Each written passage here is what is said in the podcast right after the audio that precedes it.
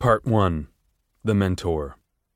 Chapter 1 Coriolanus released the fistful of cabbage into the pot of boiling water and swore that one day it would never pass his lips again. But this was not that day. He needed to eat a large bowl of the anemic stuff and drink every drop of broth to prevent his stomach from growling during the reaping ceremony. It was one of a long list of precautions he took to mask the fact that his family, despite residing in the penthouse of the Capitol's most opulent apartment building, was as poor as district scum. That at 18, the heir to the once great house of snow had nothing to live on but his wits. His shirt for the reaping was worrying him. He had an acceptable pair of dark dress pants bought on the black market last year but the shirt was what people looked at. Fortunately, the Academy provided the uniforms it required for daily use. For today's ceremony, however, students were instructed to be dressed fashionably but with the solemnity the occasion dictated. Tigris had said to trust her, and he did. Only his cousin's cleverness with a needle had saved him so far. Still, he couldn't expect miracles. The shirt they dug from the back of the wardrobe, his father's from better days, was stained and yellowed with age, half the buttons missing, a cigarette burn on one cuff. Too damaged to sell in even the worst of times. And this was to be his reaping shirt? This morning he had gone to her room at daybreak, only to find both his cousin and the shirt missing. Not a good sign. Had Tigris given up on the old thing and braved the black market in some last ditch effort to find him proper clothing? And what on earth would she possess worth trading for it? Only one thing herself. And the house of snow had not yet fallen that far. Or was it falling now as he salted the cabbage? He thought of people putting a price on her. With her long, pointed nose and skinny body, Tigris was no great beauty, but she had a sweetness, a vulnerability that invited abuse. She would find takers if she had a mind to. The idea made him feel sick and helpless, and consequently disgusted with himself. From deep in the apartment, he heard the recording of the Capitol anthem, Gem of Panem, kick on. His grandmother's tremulous soprano voice joined in, bouncing off the walls. Gem of Panem, mighty city, through the ages you shine anew. As always, she was painfully off key and slightly behind tempo. The first year of the war, she'd played the recording on national holidays for five year old Coriolanus and eight year old Tigris in order to build their sense of patriotism. The daily recital hadn't begun until that black day when the district rebels had surrounded the Capitol cutting it off from supplies for the remaining two years of the war. Remember, children, she'd say, we are but besieged. We have not surrendered. Then she would warble the anthem out of the penthouse window as the bombs rained down. Her small act of defiance. We humbly kneel to your ideal. And the note she could never quite hit. And pledge our love to you. Coriolanus winced a little. For a decade now, though the rebels had been silent, his grandmother had not. There were still two verses to go. Gem of Panem, heart of justice, wisdom crowns your marble brow. He wondered if more furniture might absorb some of the sound, but the question was academic. At present, their penthouse apartment was a microcosm of the Capitol itself bearing the scars of the relentless rebel attacks. The 20 foot high walls were veined with cracks. The molded ceiling was dotted with holes from missing chunks of plaster, and ugly black strips of electrical tape held in place the broken glass of the arched windows that looked out over the city. Throughout the war and the decade that followed, the family had been forced to sell or trade many of its possessions, so that some rooms were entirely empty and closed off, and the others sparsely furnished at best. Even worse, during the bitter cold of the siege's final winter, Several elegant carved wooden pieces and innumerable volumes of books had been sacrificed to the fireplace to keep the family from freezing to death. Watching the bright pages of his picture books, the very ones he'd pored over with his mother, reduced to ashes, had never failed to bring him to tears. But better off sad than dead. Having been in his friends' apartments, Coriolanus knew that most families had begun to repair their homes, but the Snows could not even afford a few yards of linen for a new shirt. He thought of his classmates, rifling through their closets or slipping into their newly tailored suits, and wondered just how long he could keep up appearances. You give us light, you reunite, to you we make our vow. If Tigris's revamped shirt was unwearable, what was he to do? Fake the flu and call in sick? Spineless. Soldier through in his uniform shirt? Disrespectful. Squeeze into the red button down that he had outgrown two years ago? Poor. Acceptable option? None of the above. Perhaps Tigris had gone to ask help from her employer, Fabricia Whatnot a woman as ridiculous as her name, but with a certain talent for derivative fashion. Whether the trend was feathers or leathers, plastics or plush, she could find a way to incorporate it at a reasonable rate. Not much of a student, Tigris had foregone university when she'd graduated from the academy to pursue her dream of becoming a designer. She was supposed to be an apprentice, although Fabricia used her more as slave labor requiring her to give foot massages and clean clumps of her long magenta hair from the drains. But Tigris never complained and would hear no criticism of her boss. So pleased and grateful was she to have a position in fashion. Gem of Panem, seat of power, strength in peacetime, shield in strife. Coriolanus opened the refrigerator hoping for something to liven up the cabbage soup. The sole occupant was a metal saucepan. When he removed the lid, a mush of congealed, shredded potatoes stared back at him. Had his grandmother finally made good her threat of learning to cook?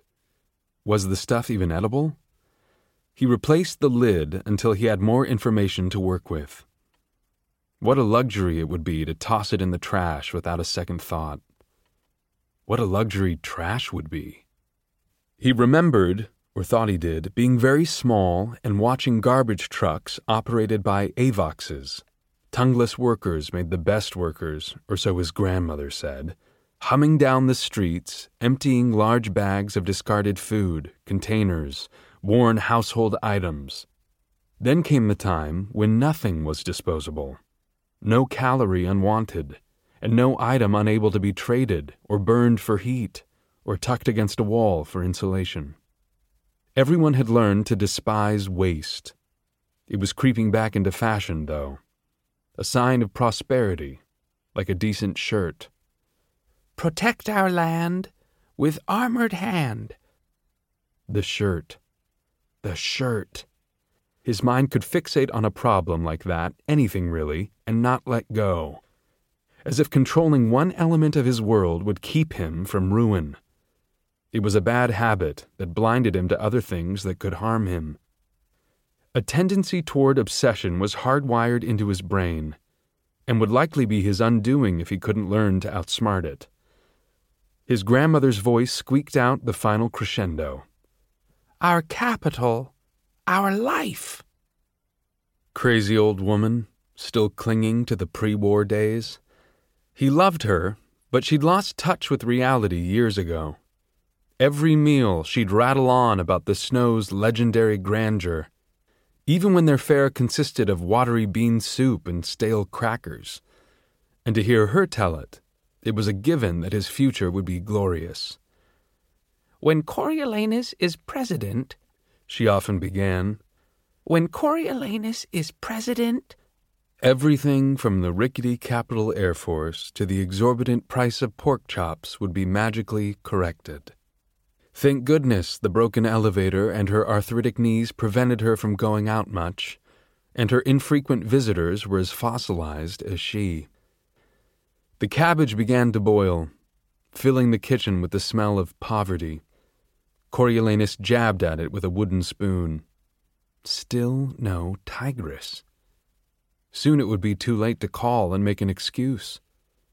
Everyone would have assembled at the Academy's Heavensby Hall.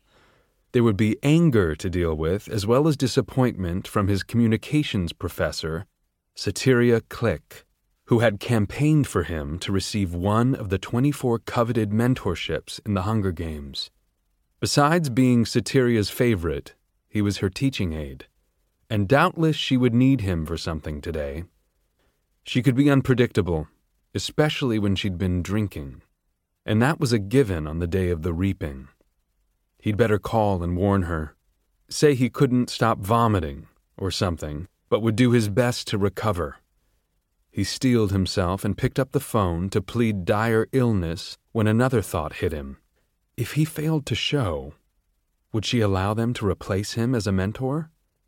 And if she did, would that weaken his chance for one of the Academy prizes presented at graduation? Without such a prize, he had no way to afford to go to university which meant no career, which meant no future, not for him, and who knew what would happen to the family, and the front door, warped and complaining, scraped open. Corio! Tigris cried out, and he slammed the phone down. The nickname she'd given him when he was a newborn had stuck. He flew out of the kitchen, almost knocking her over, but she was too excited to reproach him. I did it! I did it! Well, I did something! Her feet did a rapid little run in place as she held up a hanger draped in an old dress bag. Look, look, look! Coriolanus unzipped the bag and stripped it from the shirt. It was gorgeous. No, even better, it was classy. The thick linen was neither the original white nor the yellow of age, but a delicious cream. The cuffs and collar had been replaced with black velvet, and the buttons were gold and ebony cubes. Tesserae, each had two tiny holes drilled through it for the thread. You're brilliant, he said earnestly, and the best cousin ever. Careful to hold the shirt out of harm's way, he hugged her with his free arm. Snow lands on top. Snow lands on top, Tigris crowed. It was the saying that had gotten them through the war, when it was a constant struggle not to be ground into the earth.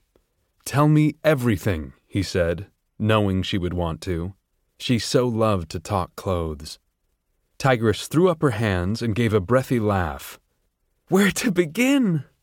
She began with the bleach. Tigris had suggested the white curtains in Fabricia's bedroom looked dingy, and while soaking them in bleach water, had slipped in the shirt. It had responded beautifully, but no amount of soaking could entirely erase the stains so she'd boiled the shirt with dead marigolds she'd found in the bin outside Fabricia's neighbors, and the blossoms had dyed the linen just enough to conceal the stains. The velvet for the cuffs was from a large drawstring pouch that had held some now meaningless plaque of their grandfathers. The tesserae she had pried from the interior of a cabinet in the maid's bathroom. She'd gotten the building maintenance man to drill the holes in exchange for mending his coveralls. Was that this morning? he asked. Oh, no, yesterday, Sunday. This morning I. Did you find my potatoes? He followed her into the kitchen, where she opened the refrigerator and pulled out the pan. I was up until all hours making starch from them. Then I ran down to the Doolittle so I could have a proper iron. Saved these for the soup. Tigris upended the mess into the boiling cabbage and stirred it around. He noticed the lilac circles under her golden brown eyes and couldn't help feeling a pang of guilt. When was the last time you slept? he asked. Oh, I'm fine. I ate the potato skins. They say that's where the vitamins are anyway. And today's the reaping, so it's practically a holiday, she said cheerfully. Not at Fabricia's, he said. Not anywhere, really. Reaping day was terrible in the districts but not much of a celebration in the Capitol either. Like him, most people took no pleasure in remembering the war. Tigris would spend the day waiting hand and foot on her employer, and her motley crew of guests while they exchanged morose tales of the deprivation they'd experienced during the siege and drank themselves senseless. Tomorrow, nursing them through hangovers would be worse. Stop worrying. Here, you better hurry up and eat. Tigris ladled some soup into a bowl and set it on the table. Coriolanus glanced at the clock, gulped down the soup without caring that it burned his mouth, and ran to his room with the shirt. He had already showered and shaved, and his fair skin was thankfully blemish free today. The school issued underwear and black socks were fine. He pulled on the dress pants, which were more than acceptable, and crammed his feet into a pair of laced leather boots. They were too small, but he could bear it. Then he pulled the shirt on gingerly, tucked in the tails, and turned to the mirror. He was not as tall as he should have been. As for so many of his generation, a poor diet had likely compromised his growth. But he was athletically trim, with excellent posture, and the shirt emphasized the finer points of his physique. Not since he was little, when his grandmother would parade him through the streets in a purple velvet suit, had he looked so regal. He smoothed back his blond curls as he mockingly whispered to his image, Coriolanus Snow, future president of Panem, I salute you. For Tigris's sake, he made a grand entrance into the living room, extending his arms and turning in a full circle to show off the shirt. She squealed in delight and applauded. You look amazing, so handsome and fashionable. Come see, Grandma'am. It was another nickname coined by little Tigris, who had found Grandma and certainly Nana insufficient for someone so imperial. Their grandmother appeared, a fresh cut red rose cupped lovingly in her tremorous hands. She wore a long black flowing tunic, the kind so popular before the war, and so outdated as to be laughable now, and a pair of embroidered slippers with curled toes that had once been part of a costume. Strands of her thin, white hair poked from the bottom of a rusty velvet turban. This was the tail end of a once lavish wardrobe. Her few decent items were saved for company or the rare foray into the city. Here, here, boy, put this on, fresh from my roof garden, she ordered. He reached for the rose, but a thorn pierced his palm in the shaky exchange. Blood welled from the wound, and he held his hand out to keep it from staining his precious shirt. His grandmother seemed perplexed. I only wanted you to look elegant, she told him. Of course you did, Grandma'am, said Tigris, and so he shall. As she led Coriolanus into the kitchen, he reminded himself that self control was an essential skill, and he should be grateful his grandmother provided daily opportunities to practice it. Puncture wounds never bleed long, Tigris promised him as she quickly cleaned and bandaged his hand. She snipped away at the rose, preserving a bit of greenery, and pinned it to his shirt. It does look elegant. You know what her roses mean to her. Thank her. So he did. He thanked them both and sped out the door.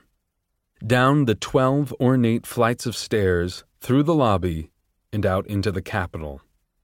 His front door opened onto the Corso, an avenue so wide that eight chariots had comfortably ridden side by side on it in the old days when the Capitol had put on displays of military pomp for the crowds. Coriolanus could remember hanging out the apartment windows as a young child, party guests bragging that they had front row seats to the parades.